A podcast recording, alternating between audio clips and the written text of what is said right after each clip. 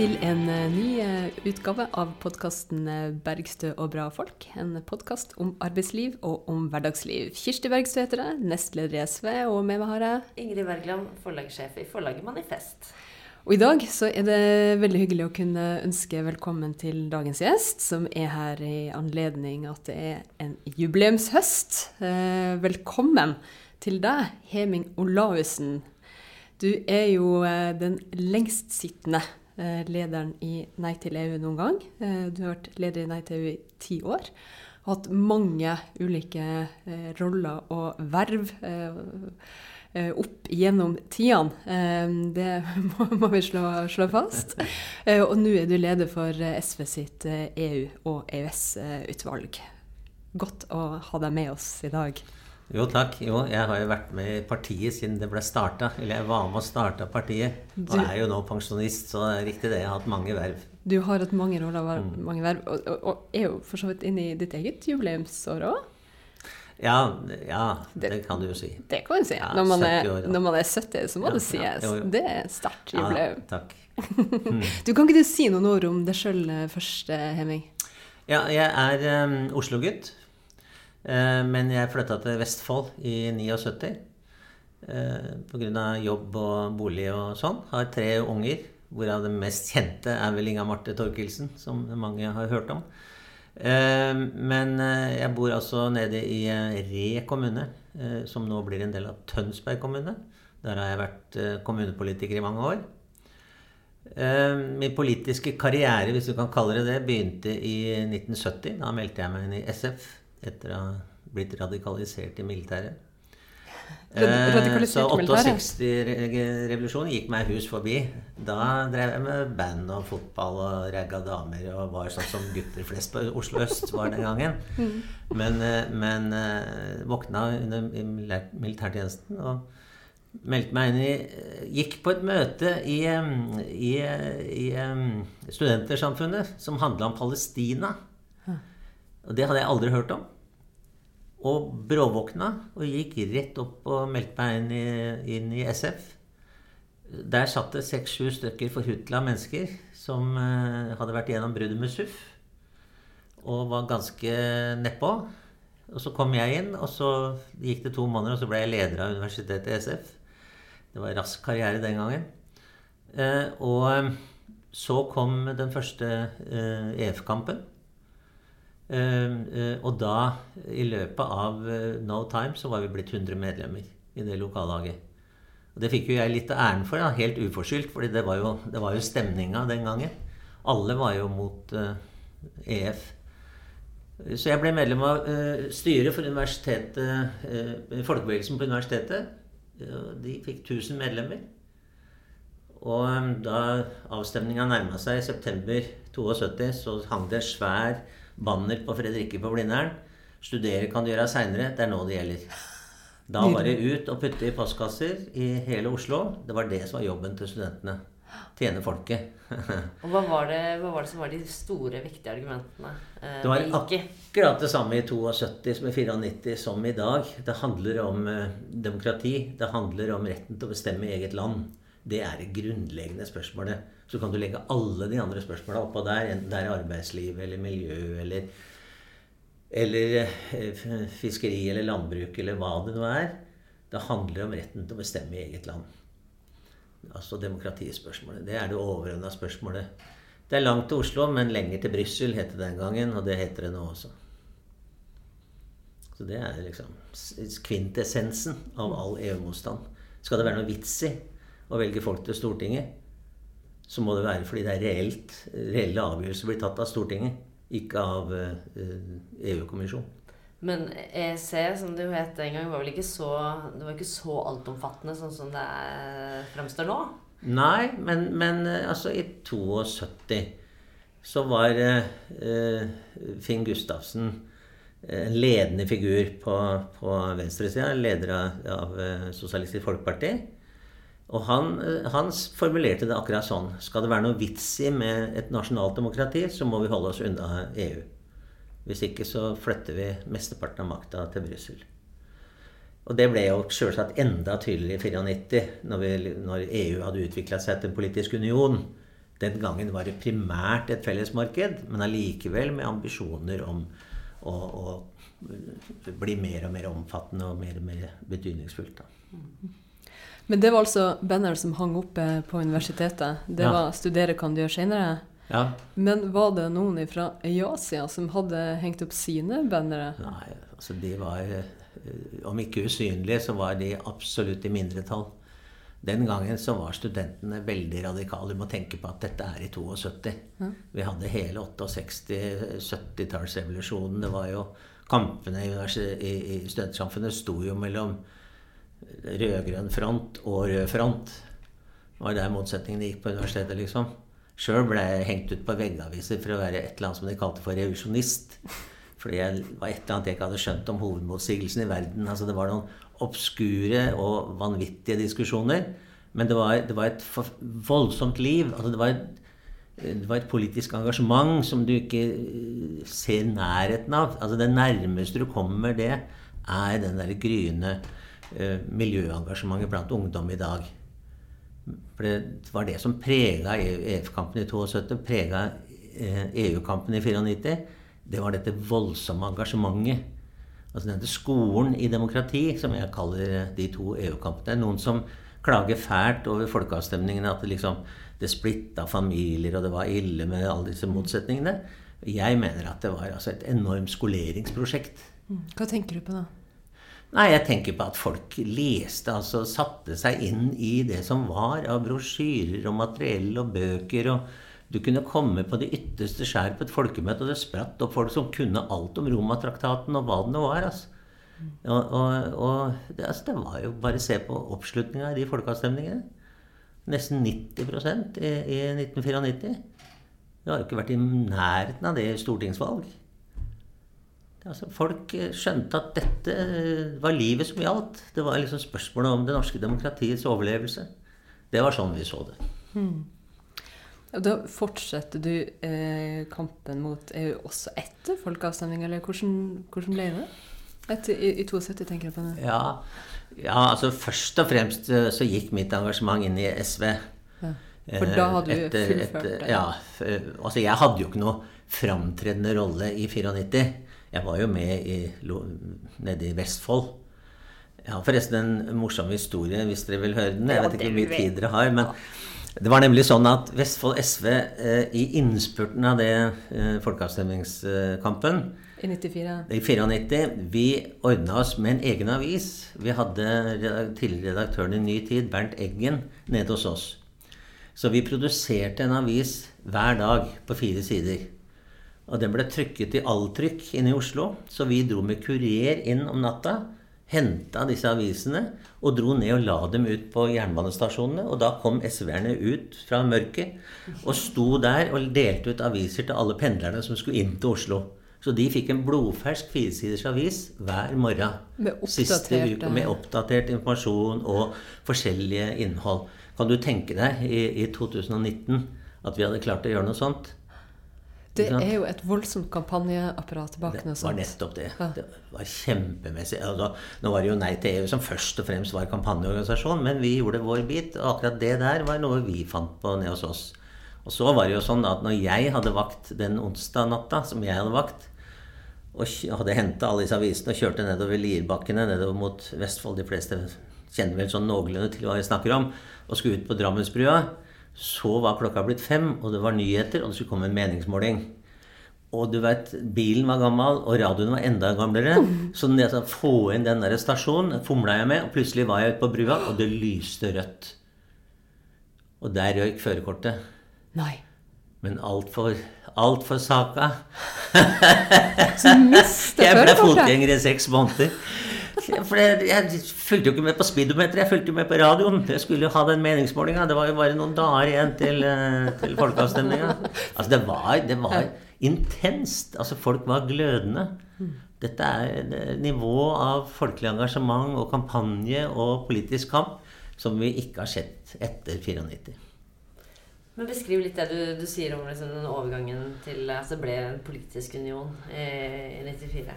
Ja. Eh, hvordan, hvordan kom det til uttrykk?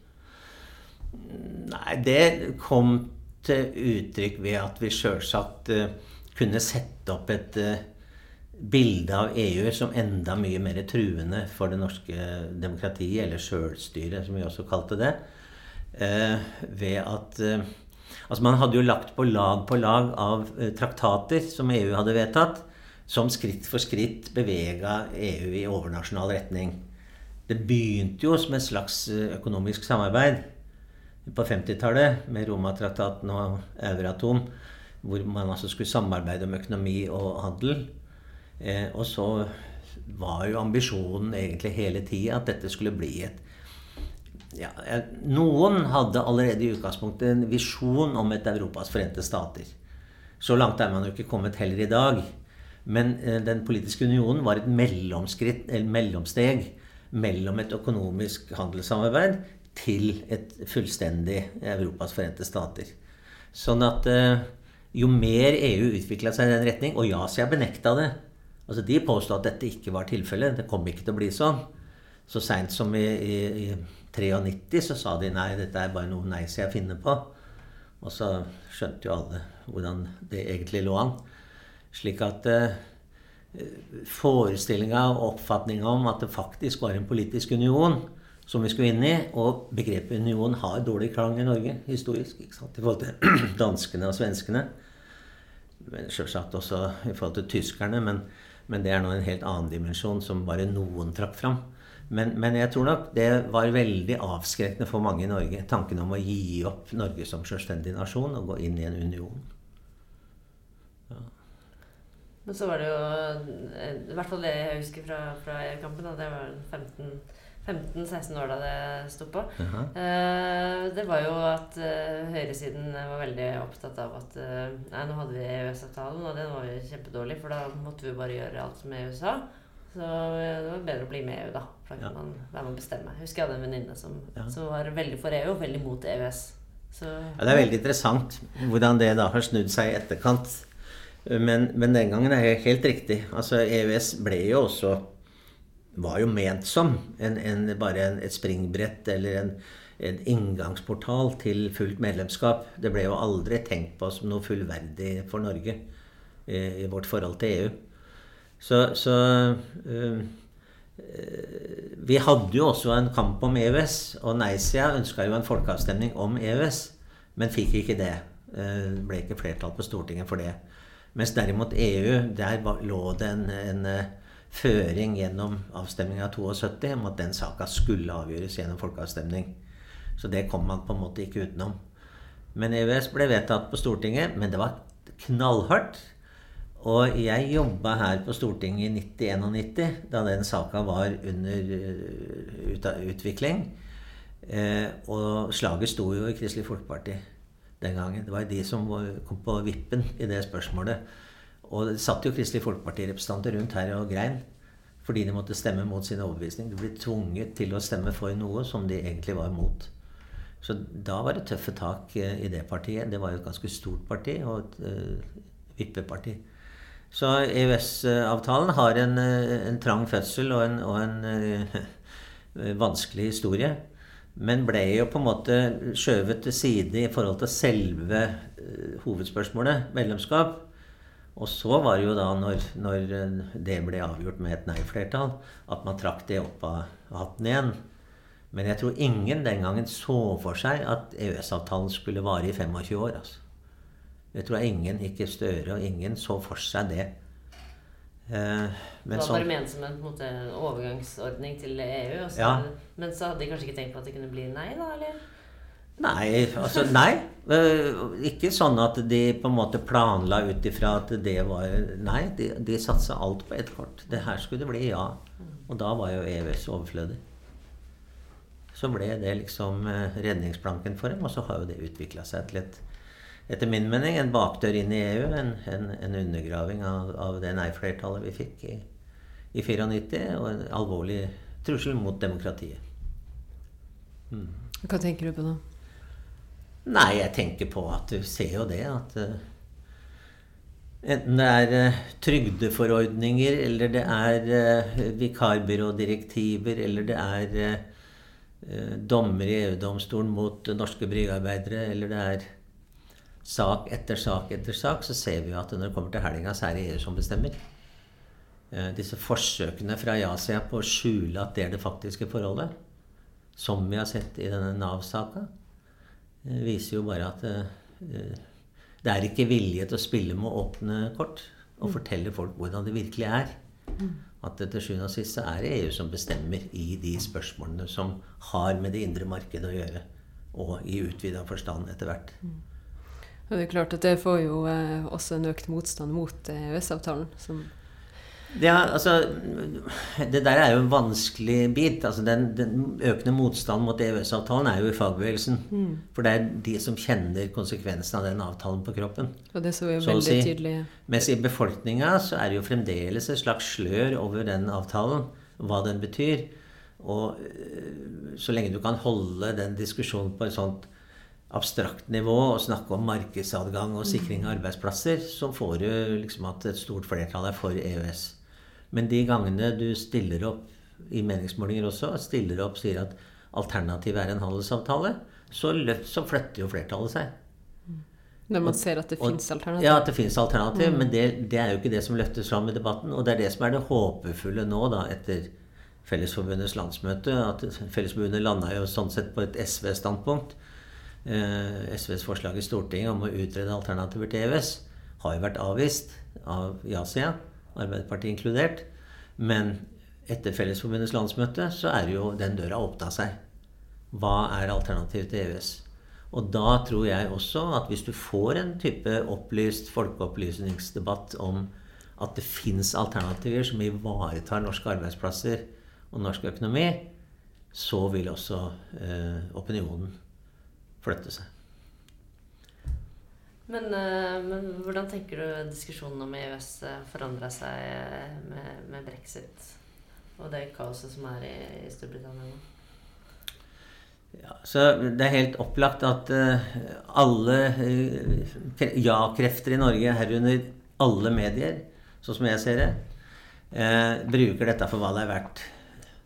Se hvor vanskelig det er. og Det er umulig å få en avtale med EU, og det kommer til å skje for Norge også.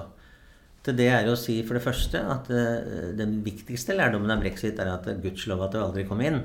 For det er jo, ser jo hvor vanskelig det er å komme ut. Uh, men dernest så mener jeg at eh, situasjonen ikke er sammenlignbar. Vi har en handelsavtale fra 73 som ligger i bånn i EØS-avtalen hvis den blir sagt opp. og britene har et nordisk problem som ikke vi har. Og vi skal ikke ut av EU, vi skal ut av EØS, som altså er Altså, EU handler med veldig mange store land i verden. De har handelsavtaler med Canada og Japan og Sør-Korea og andre. Uten å påtvinge dem et EØS-medlemskap. Og vi har så mange varer som EU er interessert i. Eh, metaller, mineraler, olje, fisk, eh, kjøpekraft. Så hvis EU er en rasjonell aktør, og jeg tenker at ja, EU er vel en rasjonell aktør tross alt De er ikke idioter der nede. De kjenner sin egen interesse de vil være interessert i alt dette her. Da må vi ha en handelsavtale. Så jeg ser på det som skremsler, og jeg ser på at man bruker brexit til å forsterke skremselstanken om at det er umulig å få en annen avtale med EU. Det er det ikke. Det inngås avtaler med andre land hele tida. Men uh, mellom de her to folkeavstemningene, der ja. du har hatt uh, sterke roller i begge to, eh, og vært en pådriver for, eh, for, et nei begge to, så har det jo vært eh, en utvikling eh, i EU. Eh, hvordan vil du oppsummere den? Fordi du sier jo veldig tydelig at argumentene mot er jo det samme. Da 72, 94 som i dag. Det handler om folkestyre, det handler om demokrati. Ja. Eh, men det er jo også argumenter som man må kunne si at har forsterka seg, med, hvis vi ser på utviklinga i EU. Ja, altså jeg Tilfeldigvis, eller ikke tilfeldigvis, da, men jeg, jeg, var leder i Nei til EU, og vi hadde en delegasjon, faglig delegasjon til eh, Hellas under krisa der. Mm. Og hvordan EU har behandla Hellas, er jo et lærestykke i hvordan et lite land blir fillerista og økonomisk ødelagt hvis du prøver å stå på en selvstendig linje innafor unionen. Eh, det er liksom en fortelling om at EU kom Hellas til hjelp og var snille med Hellas og alt dette. Det er en, det er en falsk fortelling. Eh, for det det dreide seg om, var å redde tyske og franske banker og deres interesser. Og de ble redda. Men de som betalte den uh, historia der, det var det greske folk. Uh, slik at uh, det å være lite land i det systemet der, det er ikke veldig lett. Norge ville fått uh, 2 altså formell innflytelse ville sikkert hatt litt mer innflytelse på spørsmål som er helt vitale for oss, som olje og fisk. Men, men formelt så ville vi altså ha 2% av plassene i parlamentet og én plass ved det såkalte bordet, som det er sommer å være medlem av. Men jeg, jeg, tenker at altså EU har gått stadig mer i overnasjonal retning. Og så er det noen som tenker at det er en bra ting hvis vi skal løse klimaproblemer osv. Eh, men jeg tenker at hvis ikke du baserer alle politiske kamper og politiske saker på et demok reelt demokrati, så er du ute og kjører. Da blir det elitene som styrer. Og EU er et prosjekt for å ivareta eh, europeisk storkapital. Det er liksom min grunnleggende analyse av EU. At de er til for å sørge for at det er europeiske kapitalen som vinner i den internasjonale kampen mellom kapitalens ulike former. Eh, det er jo en sosialistisk analyse. Eh, og eh, i et sånt perspektiv så tenker jeg at altså, vi sender noen høyrefolk ned til Brussel for å representere oss. Altså, blir det mer, mer sosialisme i Norge av den grunn? Neppe. Jeg husker jo når Sverige hadde sin folkeavstemning om de skulle ta del i den økonomiske militære unionen, om de skulle ta inn euroen. og gi opp eh, sin styring over eh, pengepolitikken. Mm. Så eh, var jo Venstrepartiet, vårt søsterparti, sitt, sitt, slagord, eller i hvert fall Ung Venstre sitt slagord, det var jo det handler ikke om mynt, det handler om makt. Ja. Og det er jo veldig godt oppsummert. Ja. ja. da, og det er klart at uh, et, et norsk EU-medlemskap vil innebære at vi må uh, overta euro. Vi mister uh, egen styring over uh, valuta-, finanspolitikken, pengepolitikken. I tillegg til muligheten for å føre en nasjonal fiskeri- og landbrukspolitikk osv. osv. Men altså, vi har, vi har jo vunnet begge ganger, da. Og Det er jo Dag Seierstad, hedersmann Dag Seierstad som sier det sånn at så lenge vi har én meningsmåling i året som viser nei-flertall, så tør de ikke prøve seg på en omkamp. For det noe de har lært, det er at folkeavstemninger, de taper dem.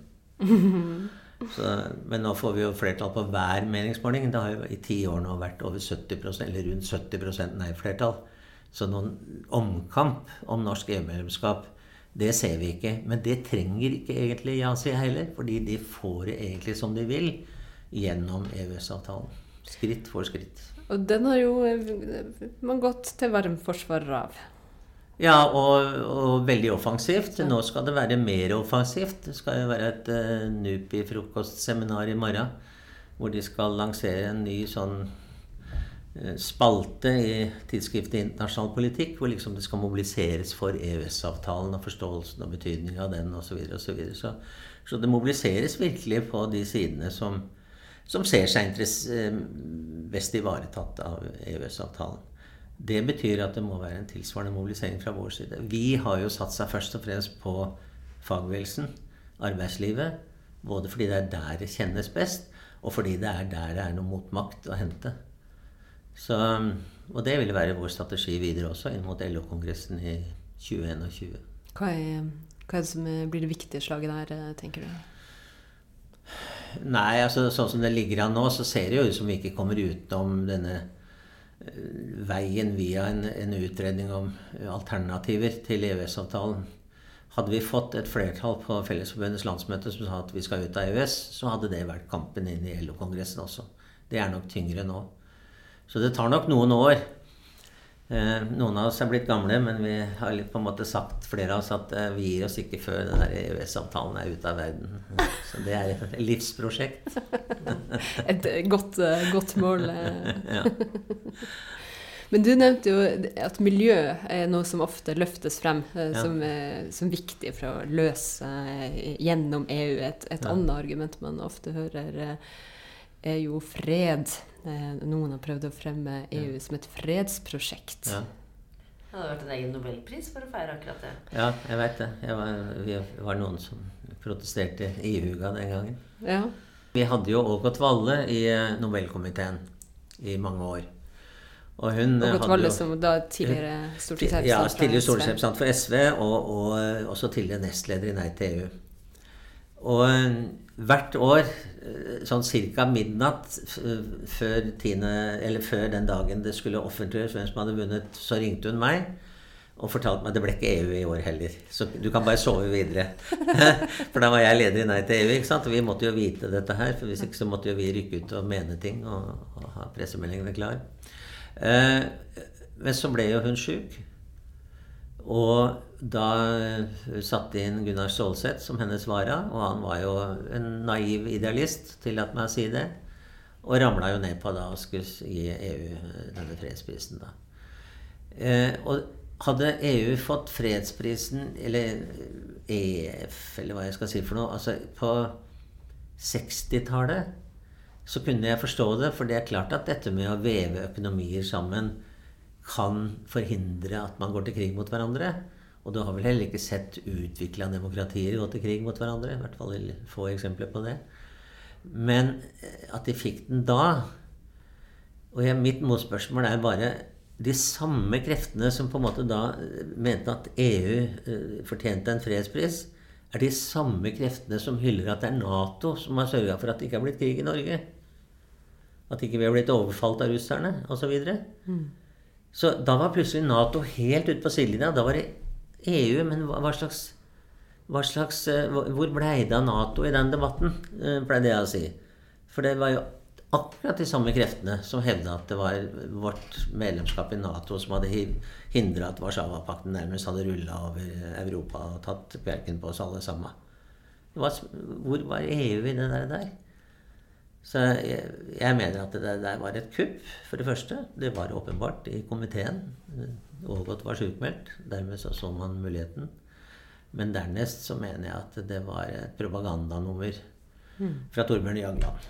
Torbjørn Jagland, den ivrigste euroentusiasten vi har sett, som mener at EU er vår tids lysende humane prosjekt. Jeg vet ikke om han har vært i disse flyktningleirene i Hellas, men ham om det. Men eh, hva vil du si til de som fremmer elsker EU som et fredsprosjekt? Eh, Hvorfor tar de feil? For det første så er det jo nå tendenser til at EU ruster opp. De har jo utvikla en felles våpenindustri. De selger våpen som bare det til den ene diktatoren, diktatoren etter den andre. Eh, og dernest så, så mener jeg at Altså hvis du, hvis du anlegger et litt annet perspektiv enn det europeiske på EU, og ser hvordan EU øh, og EU-kapital har oppført seg f.eks. I, i Afrika. Hvordan de har utplyndra fiskeriressursene, ødelagt livsgrunnlaget for mange mennesker, som i neste omgang fører til flyktninger, som i neste omgang fører til store motsetninger, så mener jeg at eh, hvis du var en afrikansk bonde, så vil du, vil du virkelig gjøre store øyne over at EU skal liksom framstilles som et fredsprosjekt. Jeg mener at de bidrar til ufred i den, for, i den forstand. da. Øker eh, de økonomiske skillene og mindre, mindre stabilt? Ja, altså på sikt så kan dette bli riktig, riktig farlig. Hvis du, eh, du trenger kanskje ikke å gnikke så lenge i glasskula for å spå eh, hvilken eh, politisk retning EU kommer til å gå i, men det er jo ganske skremmende utvikling i veldig mange av landene i EU i forhold til høyre ekstreme krefters fremgang. Ja da. Ja, Ungarn og, og Polen flere andre land. Og, og, og det som virkelig er alarmerende, er jo utviklingen i Tyskland, sjølsagt. Eh, og jeg mener at uh, altså, problemet her går jo også på at uh, høyrepartiene overtar på en måte uh, høyreekstremistenes argumentasjon for såkalt å demme opp for høyrepartiene. Eh, Istedenfor å gjøre en, en, tydelig front mot de samme ekstremistene. Og blir ofte avhengig av allianse med dem. Ja, nettopp. Ja. ser jo, Enten så tar de politikken eh, og lar det bli sin, eller så slipper de dem faktisk inn i, i, i varmen. Så det er en alarmerende utvikling, eh, vil jeg si. Sånn sett så har vi jo en lillebror i Norge i form av Fremskrittspartiet. Men de er på en måte blitt, etter min mening, absorbert i det norske systemet. Jeg ser ikke Fremskrittspartiet som en representant for en udemokratisk tradisjon. Tross alt. Altså, de står for standpunkter som jeg er helt rykende uenig i. Eh, og de kan nok være litt brune i kanten av og til, men, men, men, de aksepterer på en måte fullt ut demokratiets spilleregler, sånn som jeg oppfatter det. Det er på en måte der skillelinja går. Det er det mange andre som ikke gjør, og det er, liksom, det er farlig. Og hvis du da får en, en, politikk for stadig økende forskjeller, hvor flere og flere føler seg marginalisert, så vil den typen ideer kunne få betydelig oppslutning. Da er vi liksom, begynner vi å nærme oss 30-tallet om igjen. Men uh, vi er jo ikke der enda, gudskjelov. Uh, og forhåpentligvis kan kloke politikere forebygge en sånn utvikling. Men, men det er noen skremmende tegn i tida. Hmm. Men hva tenker du at det er er fremtida for EU, da? Altså i denne brexit-situasjonen, i de spenningene vi ser? Nei, altså de, de, sterkeste drivkreftene i EU ivrer jo for en videreføring til eh, et fullt uh, Forente stater. Det er jo det som er visjonen og drømmen. Macron bærer på den drømmen. det samme gjør EU-kommisjonen, altså de ledende folka i EU. Eh, men her vil det jo være sterke rivninger, sjølsagt. Det vil jo være nasjonalstater her som ikke er så interessert i å gå så langt. Så, så det blir litt sånn spåmannskunst. Eh, ting tar jo tid. Men, men, eh, at det har vært den retninga EU har gått i, med å overføre stadig mer makt til Brussel og mindre makt til det enkelte land, det er ingen tvil om. Det tror jeg også Jasia vil måtte si seg enig i. Mm. Eh, eh, så er det spørsmålet vil man det. Er det virkelig en ønska utvikling? Men altså de, de, store strategene i dette spillet her, de, de, ser jo på en måte dette i en global sammenheng. Konkurransen med Kina, med Russland, med USA. Og den skal Europa eh, på en måte hevde seg i. Og da trengs det en sterk europeisk enhet. Så kommer det en diskusjon om europeisk sikkerhetspolitikk, europeiske forsvarsstyrker. Macron sier at eh, Nato er hjernedød. Og det vekker jo oppstandelse, sjølsagt. Mm. Men uh, med Trump i stolen så er det ikke så rart det blir sagt sånne ting. Men, men uh, og Frankrike har jo selvsagt alltid vært mer interessert i det europeiske prosjektet enn i Nato-sammenhengen. Men, men allikevel, dette vil utvikle seg som motsetninger også på det sikkerhetspolitiske området. Men du sa tidligere at um, begge EU-avstemninger har vært eh, voldsomt sånn eh, demokratiskolering. Mm. Et, eh, et eh, folkeopplysningsprosjekt. Ja. Eh, hvis vi nå i jubileumshøsten skal, skal, prøve å trekke opp de viktigste spørsmålene eller lærdommen til de som ikke har tatt del i verken 72 eller 94, hva tenker du at det er, er den viktigste debatten å reise i dag? Altså Grunnleggende sett så er det trua på at uh, forandring er mulig. Mm. At man på en måte ikke må uh, akseptere maktas definisjon av at uh, liksom status quo og det må være som det er. og Det er liksom ikke mulig å overvinne disse sterke kreftene.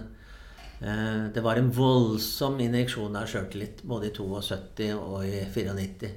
72 førte jo til en politisk revolusjon i Norge. altså Arbeiderpartiet sprakk, vi fikk SV, Venstre sprakk, osv., osv.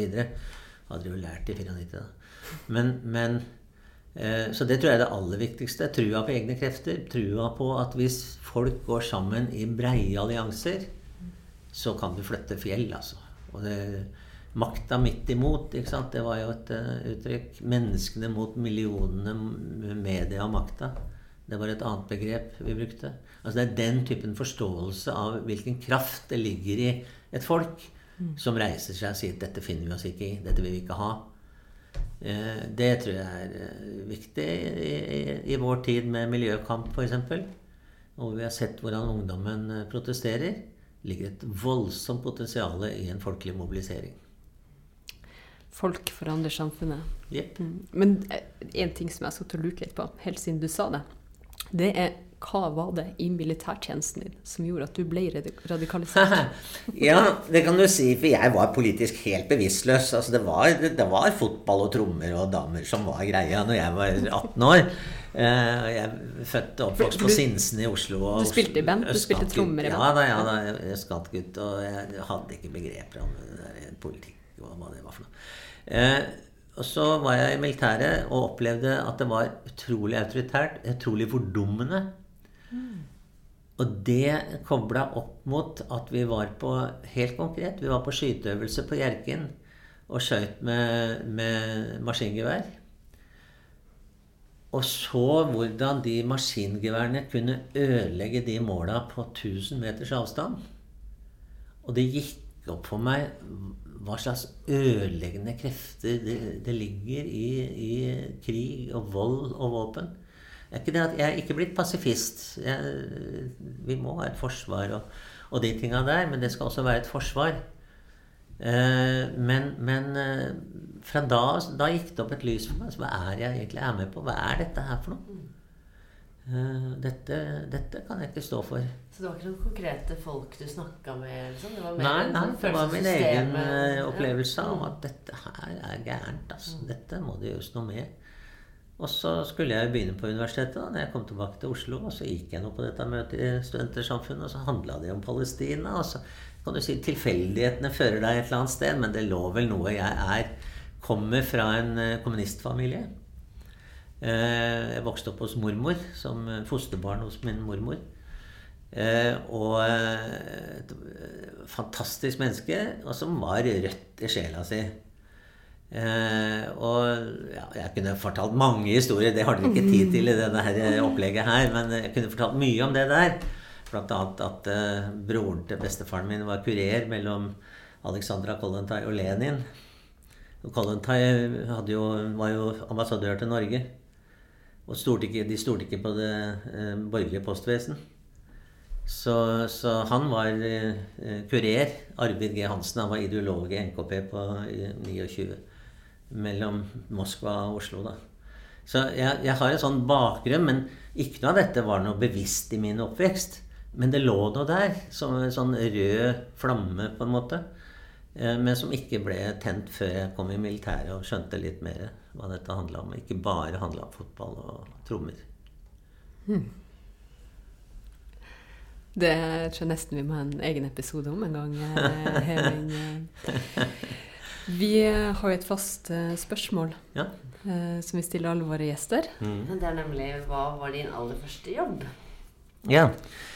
Jo, jeg var eh, Jeg hadde sommerjobb som 14-åring som regningsbud og det var jævlig interessant, fordi at ehm, jeg fikk Hvordan jeg fikk den jobben, husker jeg ikke, men jeg fikk den jobben. Og da gikk jeg altså fra Oslo Handelslager, som er den der svære bygninga nede på kaia i, i Oslo. Så det havnelageret nå? Havnelageret. Ja. Oslo Havnelager. Og øh, hadde en veske med, med, med en adresseliste og så gikk jeg rundt og banka på sånne lugubre kontorer i Prinsens gate og Dronningens gate, hvor alle disse eh, roserende Angro-firmaene satt. Og så kom jeg der, og så fikk jeg en konvolutt med penger. Og så gikk jeg rundt og samla sammen alle de pengene, og så gikk jeg og leverte de på, på Oslo havnelager. Masse, masse. Ja, ja, ja. ja, jeg kunne bli slått ned, vet du. Det var veldig uskyldige tider på, på 14 da jeg i 1963. Eh, så det var min eh, første sommerjobb. Og jeg kjørte mange morsomme heiser, og jeg var liksom inne på rare kontorer. Folk satt og dampa på sigarer og rakte meg en konvolutt, og så regna jeg over de penga, og så var det riktig, også. så, kunne jeg gå ned og levere de penga på slutten av dagen. Høres ut som en sånn scene fra en krimfilm. Ja, ja så Jeg tenker på det i ettertid. liksom. Det var jo voldsom tillit òg. Ja, veldig. Men jeg var 14 år, og dette gikk jeg rundt og gjorde. Spennende, da. Og alle pengene kom helt frem? Ah, ja jeg, jeg, har aldri blitt tatt for underslag noen gang. og aldri blitt uh, rana? Nei, aldri blitt rana. Det var Nei da. Det, Det var nok ikke noe interessant mål. Og hadde den bare visst, ja! Kunne vært det. Kunne. Ja. Tusen takk for at du kom til oss, Heming. Ja. Og tusen takk for at du har stått på i hele ditt voksne liv eh, Ja. for folkestyret, for solidaritet og for eh, kampen mot EU. Eh, Det er noe som eh, vi er mange som skal takke deg eh, og, og andre for. Jo, takk skal du ha. Altså, vil jeg kanskje si at jeg, Det har jo først og fremst vært kampen mot norsk medlemskap i EU. Altså Det fins jo visse forsonende trekk med EU også. Så jeg veit ikke om jeg kjemper mot EU. Jeg, tenkte norsk medlemskap i EU. Men, norsk så, eh, medlemskap i EU og ja, EØS, ja. absolutt. Ja. Det er det jeg Og slåss 28. november er jo da 25 år siden forrige folkeavstemning. Ja, og det skal være en stor fest i Oslo 29.11. i anledning eh, 25-årsseieren. Så det, det blir stas.